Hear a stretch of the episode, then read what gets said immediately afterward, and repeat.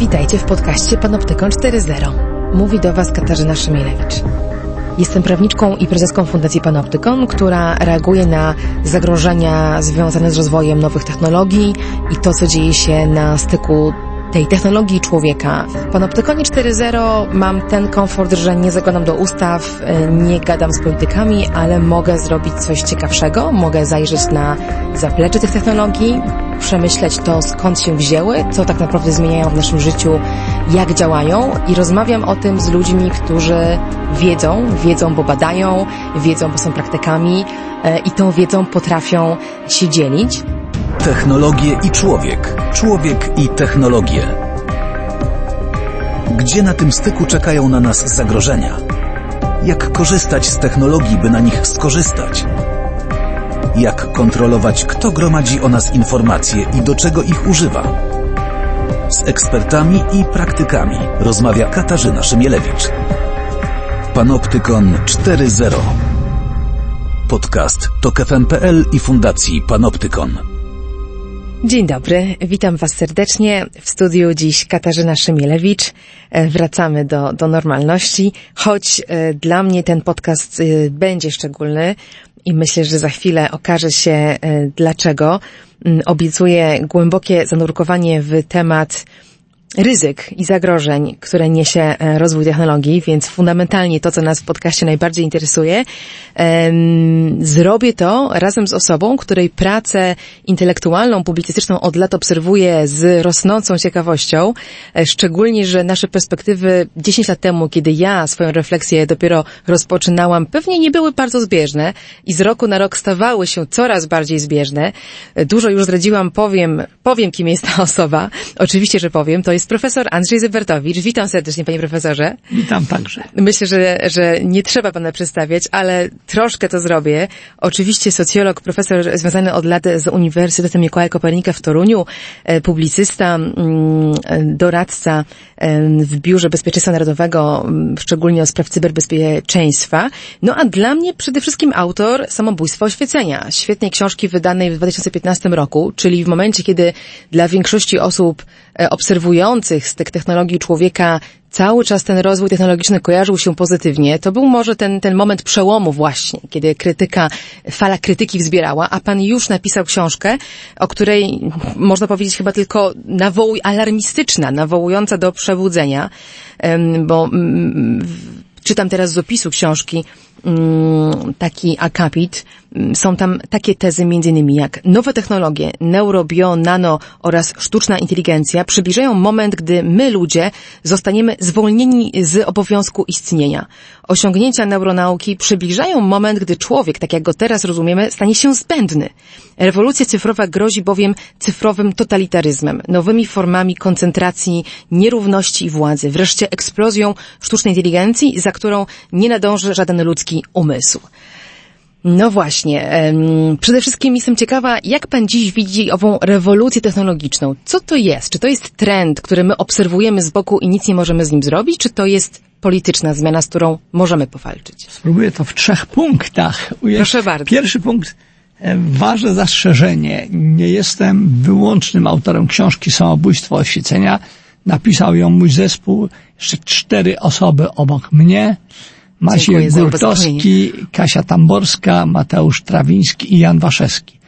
Dwoje, dwoje z nich obroniło u mnie doktoraty, w tym jeden dotyczący właśnie zagrożeń dla prywatności, czyli spraw, które e, są dla Pani bardzo ważne od lat i w których się Pani specjalizuje. To jest pierwsza rzecz. Druga rzecz, pełen tytuł książki jest taki, Samobójstwo oświecenia, znakiem zapytania i podtytuł Jak neuronauka i nowe technologie pustoszą ludzki świat.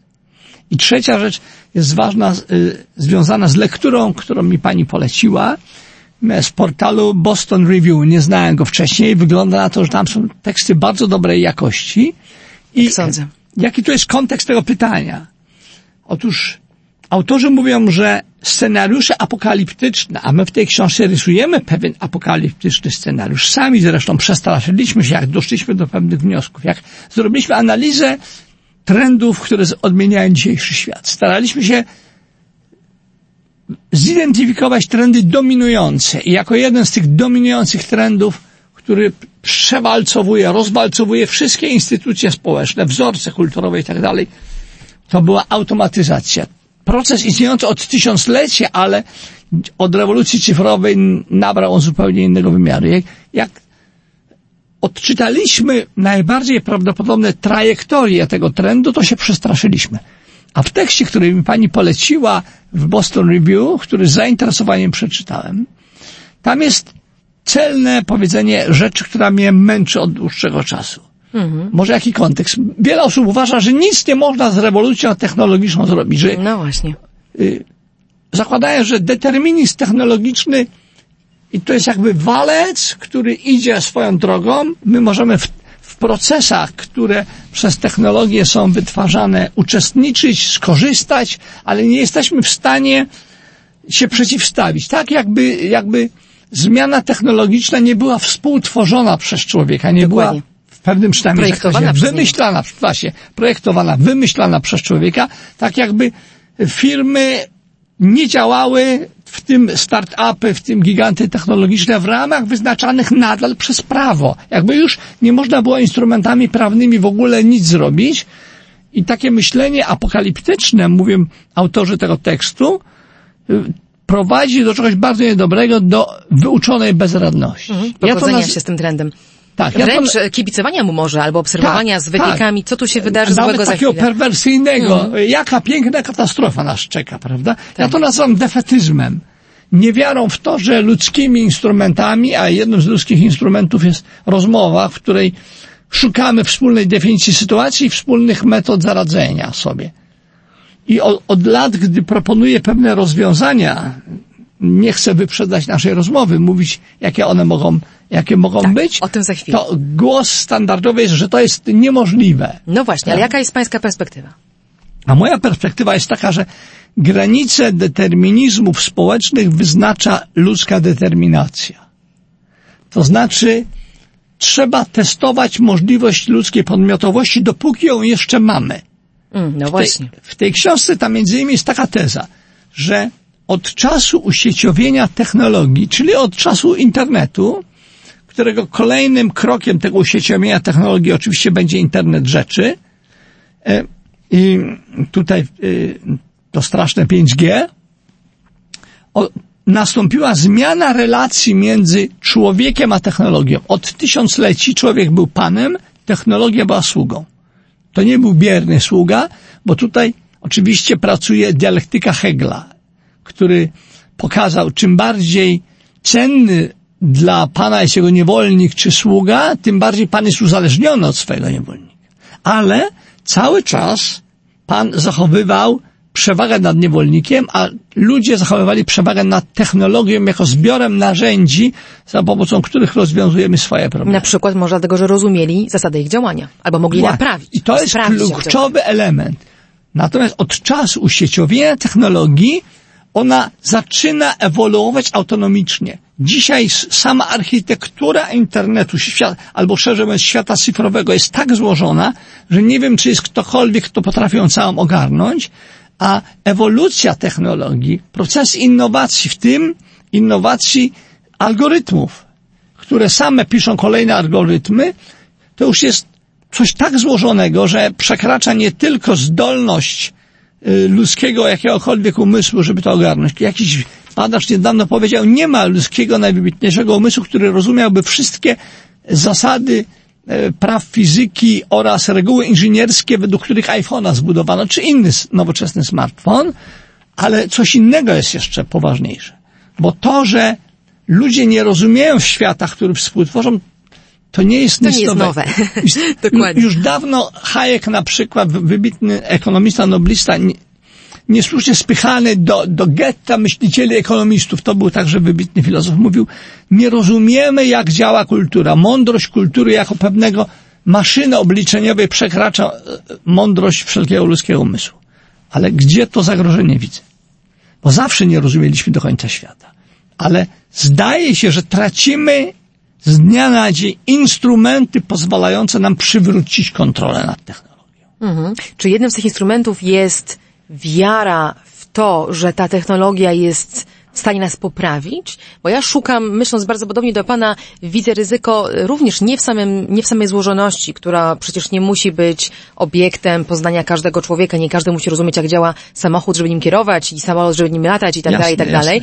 Ale w pewnym momencie w, na styku człowieka i tak zwanej e, sztucznej inteligencji pojawiło się założenie czy pomysł, który bardzo spopularyzował, spopularyzował e, e, e, Yuval Harari, ale też tacy badacze jak Michał Kosiński są bliscy tej, tej teorii, że oto człowiek powinien się wycofać w zasadzie ze swoim krytycznym myśleniem, bo jego krytyczne myślenie jest niewiele warte, bo my popełniamy błędy poznawcze, bo my podlegamy em, swojej biologii, e, swoim, mm, swojej chemii, która steruje bardzo naszymi emocjami, a, a emocje procesami poznawczymi. Tak naprawdę lepiej byłoby dla nas, żebyśmy się trochę wycofali, nawet bardzo posunęli i oddali pole w decyzjach, nawet kluczowych, nawet politycznych, czy takich decyzjach jak to, jak leczyć ludzi, albo jak tworzyć politykę karną, czy politykę społeczną, owym nowego typu, no umownie mówiąc, maszynom. Oczywiście mam na myśli złożone bardzo systemy, e, w, w, w, które oparte na, na technologie takich jak sieci neuronowe, sieci uczące się. E, I ta wiara, wydaje mi się, że jest czynnikiem nowym. Tak. Że wcześniej ten Tak. pan, e, który zarządzał swoim sługą, czuł się jednak ważniejszy, mądrzejszy, lepszy. Miał do tego może podstawę, może nie, ale, ale czuł się taki. A teraz wycofujemy się. Czy pan to obserwuje? Obserwuję przejście z ludzkiej megalomanii do mikromanii. To jest jak, jakby defetyzm człowieczeństwa. Niewiara w to, że człowiek może jeszcze coś w podmiotowy sposób zrobić. Ten, ten tekst e, e, z Boston Review, który pani mi poleciła, który uważnie przeczytałem, Podrzucimy link pod podcastem. popieram, bo to jest, e, mimo że się w kilku punktach nie zgadzam, bardzo mądry tekst napisany przez ludzi, którzy wiele przemyśleli. On dotyczy, stawia, główna teza jest taka. Nie należy wierzyć w to, że stronniczość algorytmów, czyli pewnego rozwiązania technicznego, które ludzie powołali, może być rozwiązana przez same technologie. To synchronizuje z innym myślicielem, którego pani dobrze zna, z którego ogólnym przesłaniem myślenia się także zgadzam, Eugeniuszem Morozowem, Tak. e, wybitnym analitykiem internetu. Jednym z e, pierwszych krytyków e, rozwoju tak, technologicznego. tak, tak. Trzeba mu to E, oddać. e, e, Białorusi, Białorusinem jest z pochodzenia, ale od lat działa w świecie anglosaskim i on ukuł takie pojęcie technologicznego solucjonizmu, czyli przekonania, że wszelki, jakikolwiek problem nie znajdziemy ludzki, to to, to tylko trzeba zbudować odpowiednią technologię i ona to rozwiąże. To moim zdaniem to jest, to jest też, wpisuje się w, defi, w defetyzm człowieczeństwa i to jest bardzo, to, ta strategia, którą on tak nazwał. On sam, jak rozumiem, się nie zgadza z Też tym tak to rozumiem. prawda? I ta strategia jakby podcina skrzydła tym badaczom, czy tym społecznym, e, czy tym politykom, czy tym ideologom, czy aktywistom, którzy by chcieli zmobilizować nas, a najpierw do refleksji, co się dzieje z człowieczeństwem w świecie cyfrowym, b wokół jakich wartości się powinniśmy organizować, żeby ocalić to, co uważamy za cenne. Tak jakby nie było innej wartości niż sam rozwój. Rozwój dla rozwoju, rozumiany Tak. jako innowacja, która już niczemu innemu nie służy poza sobą samą, w której my stajemy się podporządkowani, a jeśli jej ofiarą jest na przykład nasza wolność, prywatność, czy są koszty społeczne, takie jak wykluczanie pewnych grup, czy ich dyskryminacja, no to trudno. To najwyraźniej jest to e, koszt konieczny na owej drodze do rozwoju. Tak, ciekawe jest to, ja, ja przypadkiem dopiero niedawno uświadomiłem sobie, że istnieje poważna literatura na temat pułapki postępu, mm, progress traps.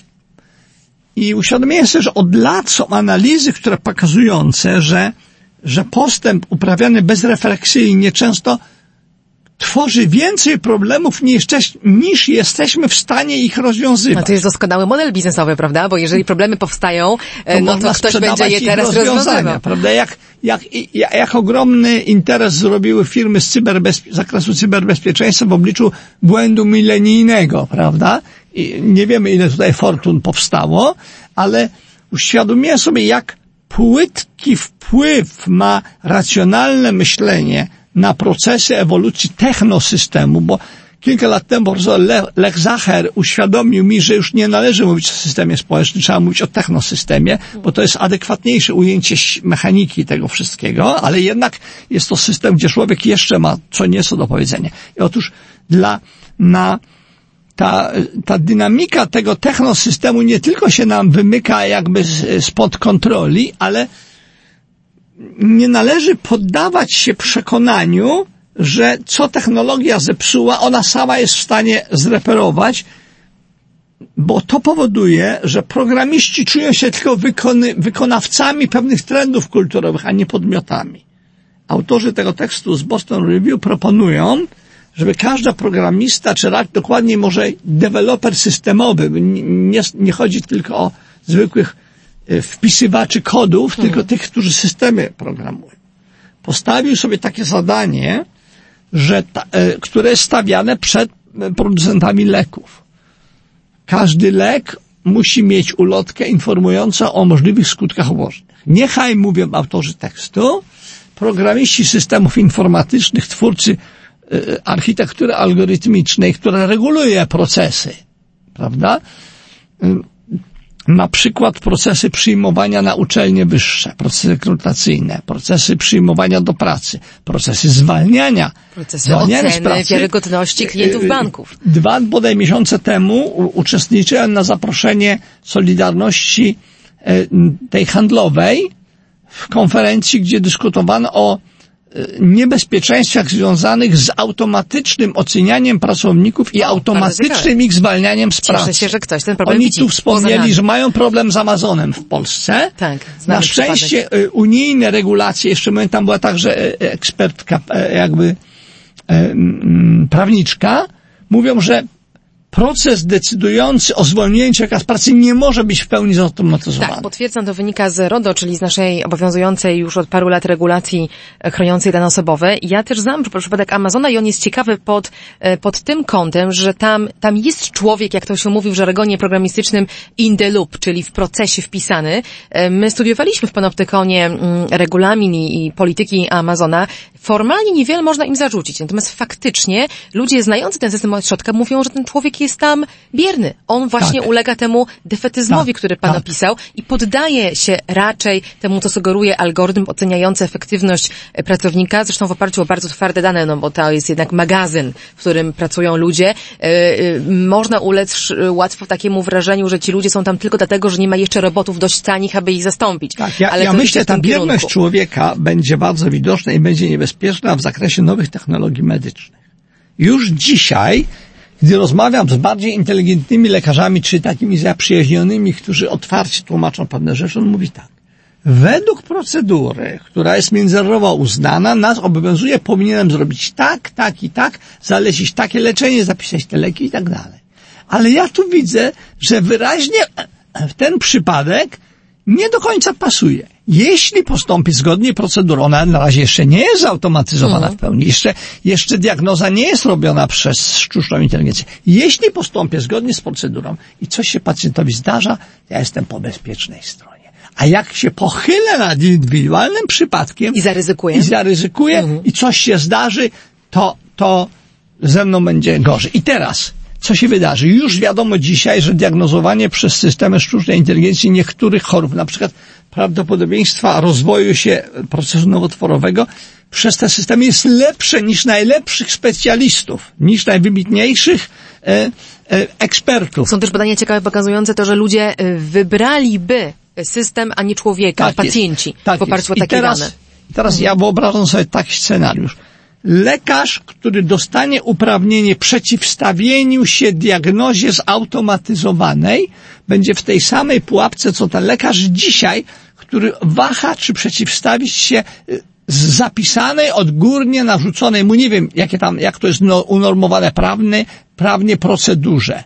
Bezpieczniej będzie dla tego lekarza zrobić OK, Oczywiście. Czyli in the loop, on w tym cyklu decyzyjnym jest, będzie, ale jest, ale będzie bezpieczniej dla niego zawodowo zachować się biernie, niż, niż podjąć tak zwaną pracę głęboką, niezautomatyzowaną, która wymaga kreatywnej analizy i podjęcia decyzji idącej pod prąd. Tak, to bardzo ciekawe jest to, że teraz coraz więcej badań, które ja obserwuję, e, duży wysiłek rozmaitych organizacji, oczywiście poza Polską, bo w Polsce to cały czas wszystko jest w powijakach, nad czym niezmiernie ubolewam, e, idzie w tym kierunku, żeby trenować ludzi do współpracy z algorytmami. Bo yy, yy, godząc się z trendem, że te algorytmy będą używane w coraz większej liczbie dziedzin, yy, badacze, aktywiści, myśliciele próbują człowieka wzmocnić próbują tak zrobić, żeby on nie ulegał właśnie temu, e, tak. tym tendencjom, które, które Pan opisuje. I to jest jeden pomysł na rozwiązanie. Wzmacniać człowieka, żeby ten był w stanie oprzeć się pewnym pokusom i żeby był jednak partnerem dla owej e, sztucznej inteligencji, a nie był jej podporządkowany. Drugi pomysł to jest rzeczywiście bardzo mi bliski przejrzystość. Ten pomysł na, e, przywołany przez Pana na traktowanie algorytmów podobnie do e, lekarstw, e, do których powinny być e, zrozumiałe dla ludzi ulotki, jest mi bliski. Co więcej, od pół roku pracuję nad modelem takiej ulotki, nawet Fundacji Panoptykon. Przyznam, że to jest potwornie trudne, bo no właśnie, mierzymy się z systemem, który jest trochę bardziej złożony pewnie niż, niż, niż aspiryna e, i jeszcze nie mamy rozpoznanych wszystkich skutków a, a, mo, a może on wcale nie jest, bar- może, a może interakcje algorytmu z procesem społecznym nie są bardziej złożone niż interakcje leku z organizmem człowieka przez każdy specjalista powie, że z różnymi organizmami ten sam lek może w inne interakcje wchodzić, prawda? Z różnymi kulturami, procesami społecznymi może algorytm w inne interakcje, ale jest wygodnie wmawiać technoentuzjastom czy technofilom, że, że to jest tak złożone, że to jest wiedza ezoteryczna i Zgoda. niech tutaj obywatel, niech tutaj nawet ekspert, y, y, powiedzmy organizacji takiej typu Watch, tak można powiedzieć o pani organizacji, której pani jest prezesem, prawda, czy prezeską e, i będziemy robili zasłonę niewiedzy e, albo wiedzy ezoterycznej, kapłaństwa technologicznego, Dokładnie to się chronionego dzieje. przez tą aurę, że przecież wszyscy naprawiamy ludzkość. Tak, no i stąd moim zdaniem wziął się bardzo potężny mit czarnej skrzynki. O, bar, o wielu systemach, nawet prostych, przecież e, dziś nie będziemy tego robić, bo robiliśmy to, ja robiłam to z, z moimi gośćmi w, w innych odcinkach podcastu i e, nie chcę tego powtarzać. Definiowanie tego, czym jest, a czym nie jest tak zwana e, sztuczna inteligencja i zestawianie w jednym worku bardzo prostych systemów, takich jak, jak drzewa decyzyjne, czy, czy prosta regresja e, z e, uczeniem neuro, e, z, z, sieciami, które się uczą, z sieciami neuronowymi jest błędem. Nie każdy system jest tak złożony, że przysparza nam autentyczną trudność wyjaśnienia wyjaśnienie tego, jak on doszedł do decyzji, którą podjął, ale nawet, nawet dla tych, które są złożone, dla e, na przykład uczących się sieci neuronowych, mamy rozwiązania, które pozwalają nam dziś odpytać te tak zwane czarne skrzynki, nie wiedząc, jak w środku to coś zadziałało, odpytać o, o, o pewne pewne mechanizmy e, poprzez produkowanie takiego zewnętrznego wyjaśnienia. Tak, ale I, I, w tym kierunku w tym idą... się czytałem niedawno jakąś analizę bodaj w New York Timesie. Wyobraźmy sobie, że jest konkurencja rynkowa między dwoma typami programów. Jeden program ma moduł zobowiązujący go do że ten program może działać tylko wtedy, jeśli na życzenie człowieka wyjaśni, jak działa, czyli sam się odczarnoskrzynkuje. Mhm. To ten moduł prawdopodobnie przedroży ten program i opóźni jego wprowadzenie na rynek, a ktoś inny mając, mając mniej dociekliwość, ludzie różnią się stopniem no, dociekliwości, mniejszą mniej, odpowiedzialność społeczną. Mniejsze, mniejsze poczucie zagrożenia. Tak, wiem, e, właśnie, to są ludzie, którzy mają e, radary nastawione na zagrożenie, inni tylko na sukces, prawda? Można przyjąć, że w ewolucji rynkowej te, te moduły czarnoskrzynkowe, jako szybsze, tańsze, bo bez modułu kontroli i objaśniania, wyprą ale efekty, jakie to kumulacyjne wytworzy, mogą się wymknąć poza czyjej, czyjąkolwiek kontrolę. Zgadzam się i w, i w tym kontekście chciałam przywołać bardzo ciekawy dokument, y, też obiecuję, że, że podrzucę link do niego pod, y, pod naszym y, podcastem. Mm, na stronie Fundacji Panoptykon. E, mam na myśli dokument przygotowany przez brytyjski organ do spraw ochrony danych wspólnie z Instytutem Alana Turinga, który właśnie udowadnia, że nawet czarną skrzynkę można rozliczyć z tego, jak ona działa, nie otwierając jej do końca, ale obserwując tak zwany input i output, prawda? Czyli zmieniając dane wyjściowe, obserwując, jak e, zmieniają się dane wyjściowe. Tym, Robiąc różne eksperymenty, na nich możemy wyjaśnić tak, przynajmniej ale można to błędy. zrobić na razie, ale złożoność tych systemów cały czas wzrasta. Musimy się liczyć z tym, że, że rozpowszechnienie się rozmaitych wyspecjalizowanych cały czas systemów sztucznej inteligencji, czyli wąskiej, jeszcze niesamodzielnej, nie uczącej się autonomicznie, będzie prowadziło do rozmaitych nałożeń, rozmaitych synergii między tymi e, systemami, przecież żeby sprawdzić, jak działają pewne algorytmy, trzeba napisać inne algorytmy. W którymś momencie... No tak. Inny te, program, który je odpyta. w który, ale te, te nowe algorytmy też są prawdopodobnie pisane, jeśli nie przez to, za pomocą innych algorytmów, żeby nie trzeba było tysięcy czy milionów linijek kodów wpisywać. I jakby e, poziom nieprzejrzystości będzie cały czas wzrastał no i ta nadzieja sprzed chwili może być już Chciałabym za dwa lata. nas w tym zatrzymać, bo y, słyszę, staram się jednocześnie słuchać naszej rozmowy, jak, tak jakbym siedziała jako trzeci, e, trzeci słuchacz i, i mam poczucie, że zaczęliśmy od mocnej niezgody na, ow, na ów trend, w którym człowiek się podporządkowuje, czy też zostaje podporządkowany, a teraz trochę sami wpadamy w pułapkę um, mówienia tak się stanie tak się musi stać. Jeśli czy, czy tak nie zostaną podjęte hmm. pewne... Ale porozmawiamy może przez chwilę w takim razie o aktorach, którzy za tym rozwojem dziś stoją w tym sensie, że go finansują, e, programują, kształtują, wybierają te kierunki. Kim e, w pańskiej ocenie i którzy aktorzy są kluczowi w tym, w tym obrazie rewolucji technologicznej, tak jak ją dzisiaj znamy, jakiej doświadczamy? Gdybym chciał długą historię, długą opowieść Może sprowadzić do esencji, to bym powiedział tak. To jest efekt mojego namysłu z ostatniego roku.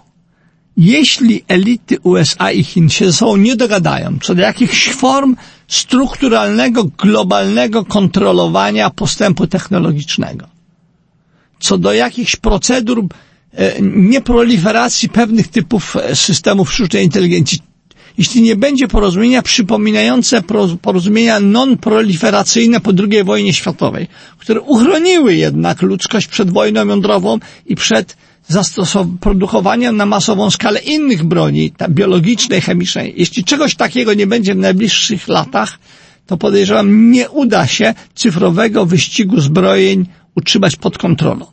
Dlaczego? Krótkie uzasadnienie. Czym różni się dzisiejszy cyfrowy wyścig zbrojeń od wyścigu zbrojeń okresu zimnej wojny? Tamten był prowadzony przez kompleksy militarno-przemysłowe głównych państw. Był to wyścig scentralizowany i państwa miały kontrolę nad rozwiązaniami technologicznymi. Dzisiaj jest to rozwój rozproszony, robiony przez setki tysięcy startupów, i które w rozmaitych synergiach wytwarzają efekty poza kontrolą tego, co się dzieje jakby w kompleksach militarno-przemysłowych. To jest wyścig tak rozproszony, że nie ma nad, państwa nie mają nad nimi kontroli i nie mogą jakby równoważyć pewnych procesów. Tutaj musi być prewencyjne działanie podjęte, które, które spowoduje, inaczej mówiąc, spowoduje, że że pewna cecha dzisiejszego rozwoju technologicznego, że dzisiaj rozwój technologiczny nie może być jednocześnie technologicznym wyścigiem zbrojeń. Ta cecha musi być pod, podcięta w wyniku międzynarodowych porozumień. Hmm, czyli wierzy pan e, niniejszy w to, że jest jakieś forum międzynarodowe, na którym te elity mogłyby się spotkać, Jeśli nie ma, to trzeba jak najszybciej powołać. Ja myślę, że ta odsłona wojny handlowej, pewno nie ostatnia, między USA i Chinami jest sygnałem ostrzegawczym. Skoro USA już podjęta jest decyzja, nie wiem czy ona jest formalnie na poziomie de, de, executive order prezydenta, że pewne technologie sztucznej inteligencji nie mają być eksportowane na zagrożenia, ale się o tym przynajmniej publicznie mówi, nie, nie wiem czy jest decyzja formalna. To znaczy, że świadomość jakby skali zagrożeń i najlepiej, po, po, po szabotaninie już widać pewne porozumienia w tej efekcie tej wojny handlowej, ustąpienie jednej i drugiej strony w pewnych prawach. Po tej szamotaninie, jeśli byłaby faza nowego ładu światowego na poziomie jakiegoś moratorium technologicznego, to moglibyśmy wrócić do sytuacji, w której człowiek ma przewagę nad technologią, korzysta z jej owoców, a nie jest ofiarą która jest rozwalcowana przez to. A jest dla Pana jasne, jaki obszar powinien być moratorium objęty? Czyli jakie cele powinny, mm, powinny, czego należy się obawiać w tym rozwoju konkretnie? Czy jest jakiś rodzaj technologii, które powinniśmy wyeliminować no, z, na pierwszy, z palety? Obecnie wydaje się, obecnie, że, że dotyczy to sztucznej inteligencji i kluczowe byłoby, żeby przejście od tych inteligencji uczonych przez nas, nawet deep learningowe systemy Ale nadzorowanych są, przez nas. Tak, mhm. dos autonomicznych. Tutaj być może tu jest bariera. To jest ta czerwona linia. Której, po której przekroczeniu wszystko się wymknie spod kontroli. Czyli człowiek nie powinien oddać nadzoru nad procesem uczenia maszynowego. Powinien on zawsze ale być Być może jeszcze i... wcześniej to trzeba zrobić, bo w którymś momencie to może być nie czerwona linia, tylko rozmazana linia, której przekroczenia nie zauważamy. No ten sam człowiek e, in the loop, czyli w procesie na przykład będzie nadzorował, ale tylko formalnie. Z, z, z tego punktu widzenia coś, co tak niepokoi niektórych analityków, bałkanizacja, perspektywa bałkanizacji internetu. Czy to zrobienie... się wydarzyło. Słucham? Czy to się już nie wydarzyło jakiś czas temu?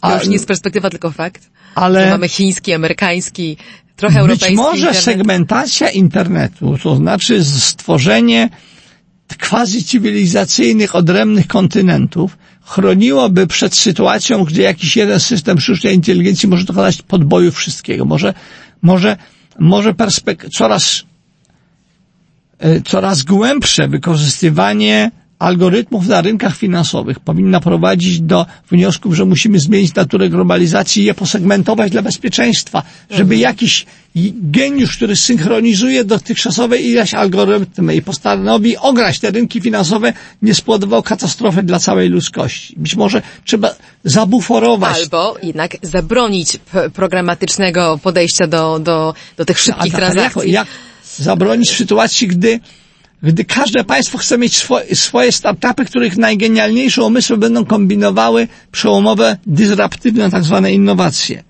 Mhm. No, konkretnie jeśli chodzi o świat finansowy, to myślę, że jakaś próba ograniczenia spekulacji to nie jest nowy pomysł.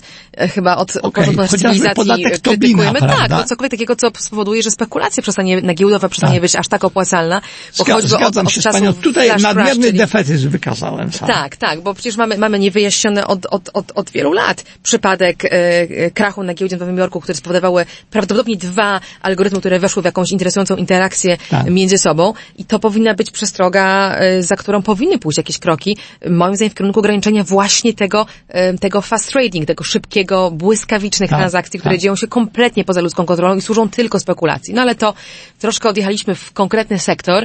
Wracając do rozwiązania... Ale być może punktem jakby wyjścia powinno być takie. Odrzucić tezę, że nic nie można zrobić, odrzucić tezę, że państwo powinny być daleka od rozwoju technologicznego, to przecież Amery państwo amerykańskie włożyło wielkie pieniądze w rozwój, w rozwój Google'a, w rozwój Facebooka w pewnych fazach Właśnie czekałam, aż, aż pan o nich wspomni, bo czekałam na tych aktorów. Dokładnie do tego miało zmierzać moje konkretne pytanie, e, więc cieszę się, że oni się pojawili e, w, w rozmowie. Co z, co z nimi? Co z tak zwaną gafą i z firmami, które komercjalizują technologie kiedyś militarne, czy tworzone w celach naukowych, a dzisiaj dostępne nam w każdym smartfonie i w każdej aplikacji e, i oczywiście to oni bardzo często odpowiadają za ową e, no, no, no, taką iminentność rewolucji technologicznej, czyli powiedzenie nam, tego się nie da zatrzymać, to oni nam to mówią. Te kolejne aplikacje, usługi Tego szczęścia się nie da Dokładnie. zatrzymać. Przecież chcesz, żeby było szybciej i wygodniej. No nie chcesz, przecież chcesz kolejną wersję tego smartfona, tej aplikacji, e, takiej usługi. Teraz będziemy rozmawiali ze swoimi urządzeniami, bo to jest takie proste. Najpierw nam przyczepiają pragnienie, a potem E, mówią, że pomogą nam je spełnić, no albo no najpierw nas podtapiają oceanem dezinformacji, a potem mówią, przyniesiemy algorytmy, które odfiltrują tę, tę dezinformację. Co, co, co z nimi? Czy tutaj widzi pan pole dla państwa? I jeśli tak, to dla jakiego państwa? Jak najbardziej, ale mam wrażenie, że tu powstała pułapka geopolityczna, z której bez porozumienia USA-Chiny nie można wybrnąć. Jak ona, jak ona wygląda? W Stanach Zjednoczonych jest głęboka podejrzliwość wobec monopolii rynkowych wszelkiego rodzaju, i wielka tradycja skutecznych działań antytrustowych.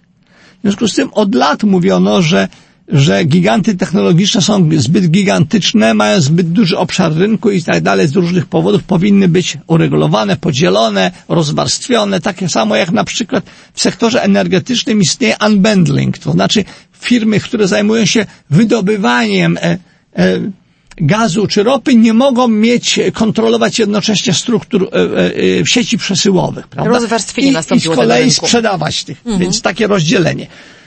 I, ale, ale mówiono, ale zobaczcie, tutaj nie ma klasycznej, e, klasycznej renty monopolowej, bo w szale, bo monopolistyczna pozycja Google'a na rynku wyszukiwarek nie przekłada się na gorszą jakość usług i podwyższenie dostępności tych usług. Przekłada prawda? się na koszt w postaci A. nadzoru, inwigilacji, utraty o, prywatności. Otóż tego prawie nikt nie widział jeszcze do niedawna.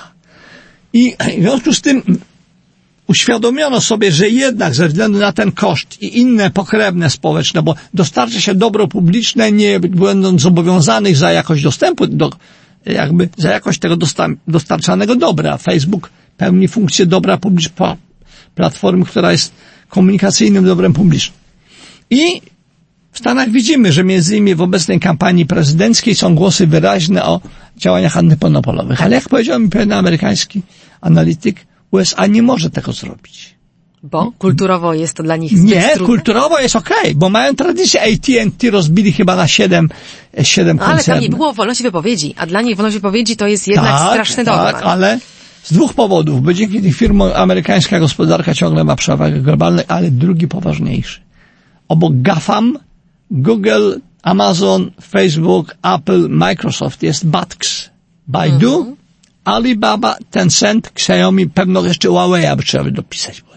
Czyli wyobraźmy sobie, że Zachód się w pewnym sensie rozbroi Osłabi te swoje korporacje. Osło- w imię zrównoważonego rozwoju cywilizacyjnego osłabi swoje korporacje, które wytwarzają bardzo, tak mówiąc językiem ekonomicznym, szkodliwe externalities, efekty uboczne bardzo szkodliwe, w tym kulturowo. Za które wszyscy płacimy. A, ale Chińczycy tego nie zrobią i co wtedy? Oni będą mieli na swoich gigantycznych bazach danych, gigantycznych, bo mają e, ponad 750 milionów użytkowników smartfonów, więc mają większe bazy danych do uczenia swoich algorytmów, a my sobie tutaj podetniemy No, to jest punkt, w którym ja zwykle wprowadzam rozróżnienie na bliski panu obszar cyberbezpieczeństwa i na obszar e, konsumenckich usług. O ile widzę ten dylemat, to napięcie tam, gdzie rozmawiamy o wyścigu zbrojeń, że jeżeli my przestaniemy w to inwestować, Chińczycy nas prześcigną, a potem nas podbiją, bardzo to oczywiście wulgaryzując i upraszczając, nie a, widzę... a może wcale pani nie wulgaryzuje, tylko A może niestety tak. Chodzi mi o bardziej o, o, o, język tutaj nietechniczny, którego pozwoliłam sobie użyć i nie ekonomiczny, tylko taki militarny. A y, z drugiej strony mamy przecież cały rynek usług konsumenckich, gdzie, tak jak już się chyba w tej rozmowie zgodziliśmy, y, te wielkie firmy kreują nam sztuczne potrzeby, kreują problemy, które potem rozwiązują, podporządkowują nas coraz bardziej swojej wizji rozwoju i, i, i programują nasze mózgi, jak pan wielokrotnie mówił i, i, i pisał, i ja się z tym coraz bardziej niestety zgadzam. I tego nie chcemy. I rozwój w tym zakresie jest po prostu czymś negatywnym. Tak? Więcej rozwoju w tym Ta kierunku. ścieżka rozwoju Ta jest ścieżka nie negatywna. jest dobra, więc jeśli mamy poprzez wycofanie tych korporacji, czy osłabienie z wyścigu z Chinami coś stracić, to w obszarze usług konsumenckich może my nie tracimy, tylko zyskujemy. Na przykład więcej wolności. Tak, ale, wszystko, ale wszystko się rozgrywa w futerale globalizacji, czyli relacji geopolitycznych. Prawda? I być może, e, nawet gdyby nie było Trumpa, to ten konflikt handlowy między Stanami i Chinami by się pojawił i on może jest znakiem, że trzeba na nowo zorganizować, zreorganizować globalizację. Ludzkość, państwa muszą ze sobą współpracować, Han, jest stare powiedzenie, jeśli między granic nie przekraczają towary, to granice są przekraczane przez oddziały żołnierzy, prawda? Czyli nie ma, nie ma długofalowej izolacji możliwej. Zawsze coś, coś się będzie chciało przełamać. Tak, tak. I teraz o, pytanie o formę, o reguły i tak dalej. Chińczycy są niezadowoleni z dominującej pozycji dolara, a Amerykanie o, zaniepokoili się y, sukcesami Huawei'a w oferowaniu usług kompleksowych z zakresu 5G nie mniej niż wystrzeleniem Sputnika w 1957 roku przez Rosjan. Wydawało się zacofany kraj, zniszczony prze, przez, przez straszną wojnę, będzie technologicznie do tyłu i nagle pierwsi inicjują podbój kosmosu. Amerykanie w reakcji na to uruchomili y, głęboką reformę systemu edukacji w USA. E, ale osobiście mam wątpliwości, czy edukowanie kolejnych pokoleń innowatorów jest rozwiązaniem. Moim zdaniem odwrotnie. Rozwiązaniem jest znalezienie sposobu na spowolnienie. Bo, bo trzeba dosłownie traktować ten zwrot dysraptywne innowacje. One No tak. zry, co, innowacja, która rozrywa strukturę zarządzania w jakiejś korporacji, w firmie, firemce, to e, i, i fale tej innowacji się nie rozchodzą dalej w systemie, jest okej. ale innowacja, która zmienia głęboko stosunek człowieka do rzeczywistości, stosunek umysłu do prawy, do faktu, powoduje niezdolność odróżnienia tego, co realne od tego, co fikcyjne, to jest innowacja, która przebudowuje człowieczeństwo. Innowacje z zakresu neuronauki, którymi zajmowaliśmy w tej książce, które umożliwiają e, przebudowę natury ludzkiej, okablowania tego, jak człowiek jest wired, jak jest hardwired, umysł ludzki, to są innowacje, które zmieniają fundament ontologiczny życia społecznego. A, a przemyślenie konsekwencji tego wszystkiego y, to już zdaje się przekraczać zdolności umysłu ludzkiego. Inaczej mówiąc, to jest otworzenie, w starożytności uświadomili sobie, że jest, że Pandora posiada skrzynkę. Jak ją otworzymy, to na świat wydobędą się rzeczy, nad którymi nie będziemy, z których nie zrozumiemy, za którymi nie podążymy, żeby je kontrolować. Nawet w scenariuszu, który, który pan rozważa y, w, w, książce Samobójstwo oświecenia, czyli właśnie neuronauka, która zaczyna no, eliminować w ogóle sens tak naprawdę człowieka takiego, jakim go znamy, nawet taki scenariusz można sobie wyobrazić ym, idący w tym kierunku, że tworzą się po prostu nowe klasy ludzi, nadludzi i Harari, podludzi. Harari o tym pisze, Tak, prawda? gdzie ta klasa nadludzi, która steruje tym rozwojem, która te technologie kreuje, ma dużo bardzo do zyskania i być może pod rządami tej klasy, trochę nawiązując do Arystotelesa i przywołanego e, przez pana kontekstu e, e, starożytnego, taki pomysł, że oto ci nadludzie są racjonalni, wyposażeni w genialne technologie, sami są nimi ulepszani i oni projektują nam lepsze społeczeństwo. Czy taki scenariusz kompletnie do pana wyobraźni nie przemawia, czy boi się go Aż za pan? bardzo przemawia w rozdziale w tej książce poświęconym e, przyszłości władzy. E, Rozumowanie prowadzę w pewnym fragmencie tak. Na całe dzieje ludzkości można spojrzeć na, jako analiza asymetrii między, nazwijmy to, bogatymi, potężnymi i ludem. I l- bogaci, potężni, czyli zorganizowana mniejszość starała się mieć przewagę nad zdezorganizowaną większością. No dziś to się wydaje banalnie proste. Ja- z tymi narzędziami. Prawda? Da- Była to tak zwana władza nad. Od momentu, gdy demokracja zaczęła dojrzewać, wyłoniliśmy władzę do. Organizujemy się oddolnie, żeby wspólnie rozwiązywać pewne Chcemy w problemy. to uwierzyć, w taką narrację, ale czy to się wydarzyło? Okej. Częściowo, by- jak się, tu i tam się udaje czasami, prawda? W jakichś udanych wspólnotach.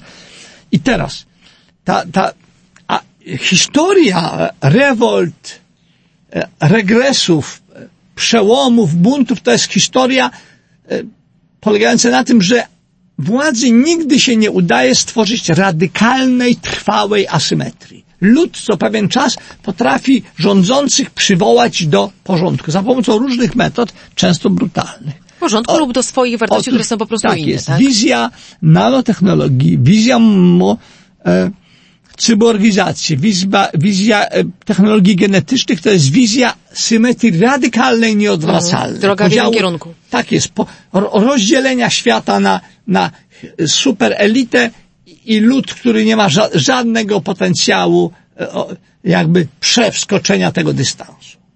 I Harari jest tego świadomy, a mam wrażenie, że jakoś w jego myśleniu jest jakieś przyzwolenie na. Też mam na takie coś. wrażenie i dlatego chętnie z nim polemizuję. Zresztą w tym podcaście już mm, w, w wielu odcinkach pojawiła się polemika e, z Harari, między innymi profesora Pawła Łukowa, etyka, który bardzo pięknie i ten fragment myślę, że, że, że, że po, polecam, Nie, przywołuję. tego nie słuchałem, Tak, ale- e, po, po- polecam wszystkim nas słuchającym powrót do tego podcastu, e, jeśli go nie pamiętacie lub jeszcze nie słuchaliście, bo on właśnie pięknie mówi o tym, o tym sensie człowieka, że, że człowiek musi pozostać ludzki, w tym również niedoskonały, żeby móc w ogóle realizować ten swój ludzki los i pozbawienie się tej cechy, czy też no, rozwijanie technologii w nadziei na to, że nam tę cechę Że zbuduje zmodyfikuje. świat człowieka bez, kończy niezdolnego do cierpienia na przykład, Mhm. prawda? Projekt człowiek, jaki, jaki, jaki, jaki chyba znamy i lubimy, przynajmniej ja to dosyć jeszcze lubię. Pan chyba też jeszcze lubi.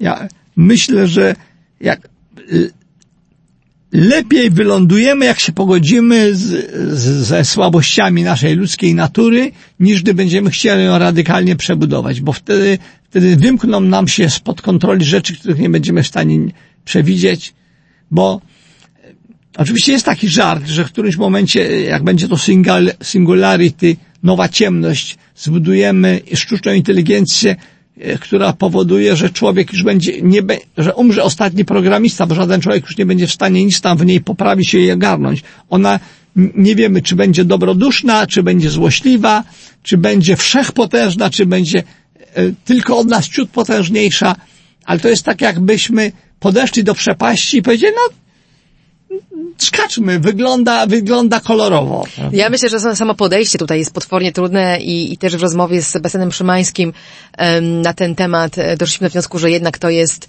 no, ostre, e, ostra fantazja science fiction dzisiaj dla nas cały czas. Ta singularity, ta, e, ta generalna sztuczna inteligencja, osobliwość, zwał jak zwał, która ma e, myśleć samodzielnie, projektować świat samodzielnie i nas w końcu No tak, ale- wyeliminować. ale Harari- Musielibyśmy bardzo napracować się nad Harari robi, robi bardzo, ja niestety jestem bardziej pesymistyczny. Harari robi bardzo ważne rozróżnienie, bo gdy wiele razy dyskutuje o problemie zagrożeń ze strony sztucznej inteligencji, która będzie od nas w jakimś sensie cwańsza, czy mądrzejsza, chytrzejsza. Bo my tak, za taką ją uznamy i się wycofamy. Te, to też to jest takie ryzyko, o, o tym, od tego zaczęliśmy. Tak.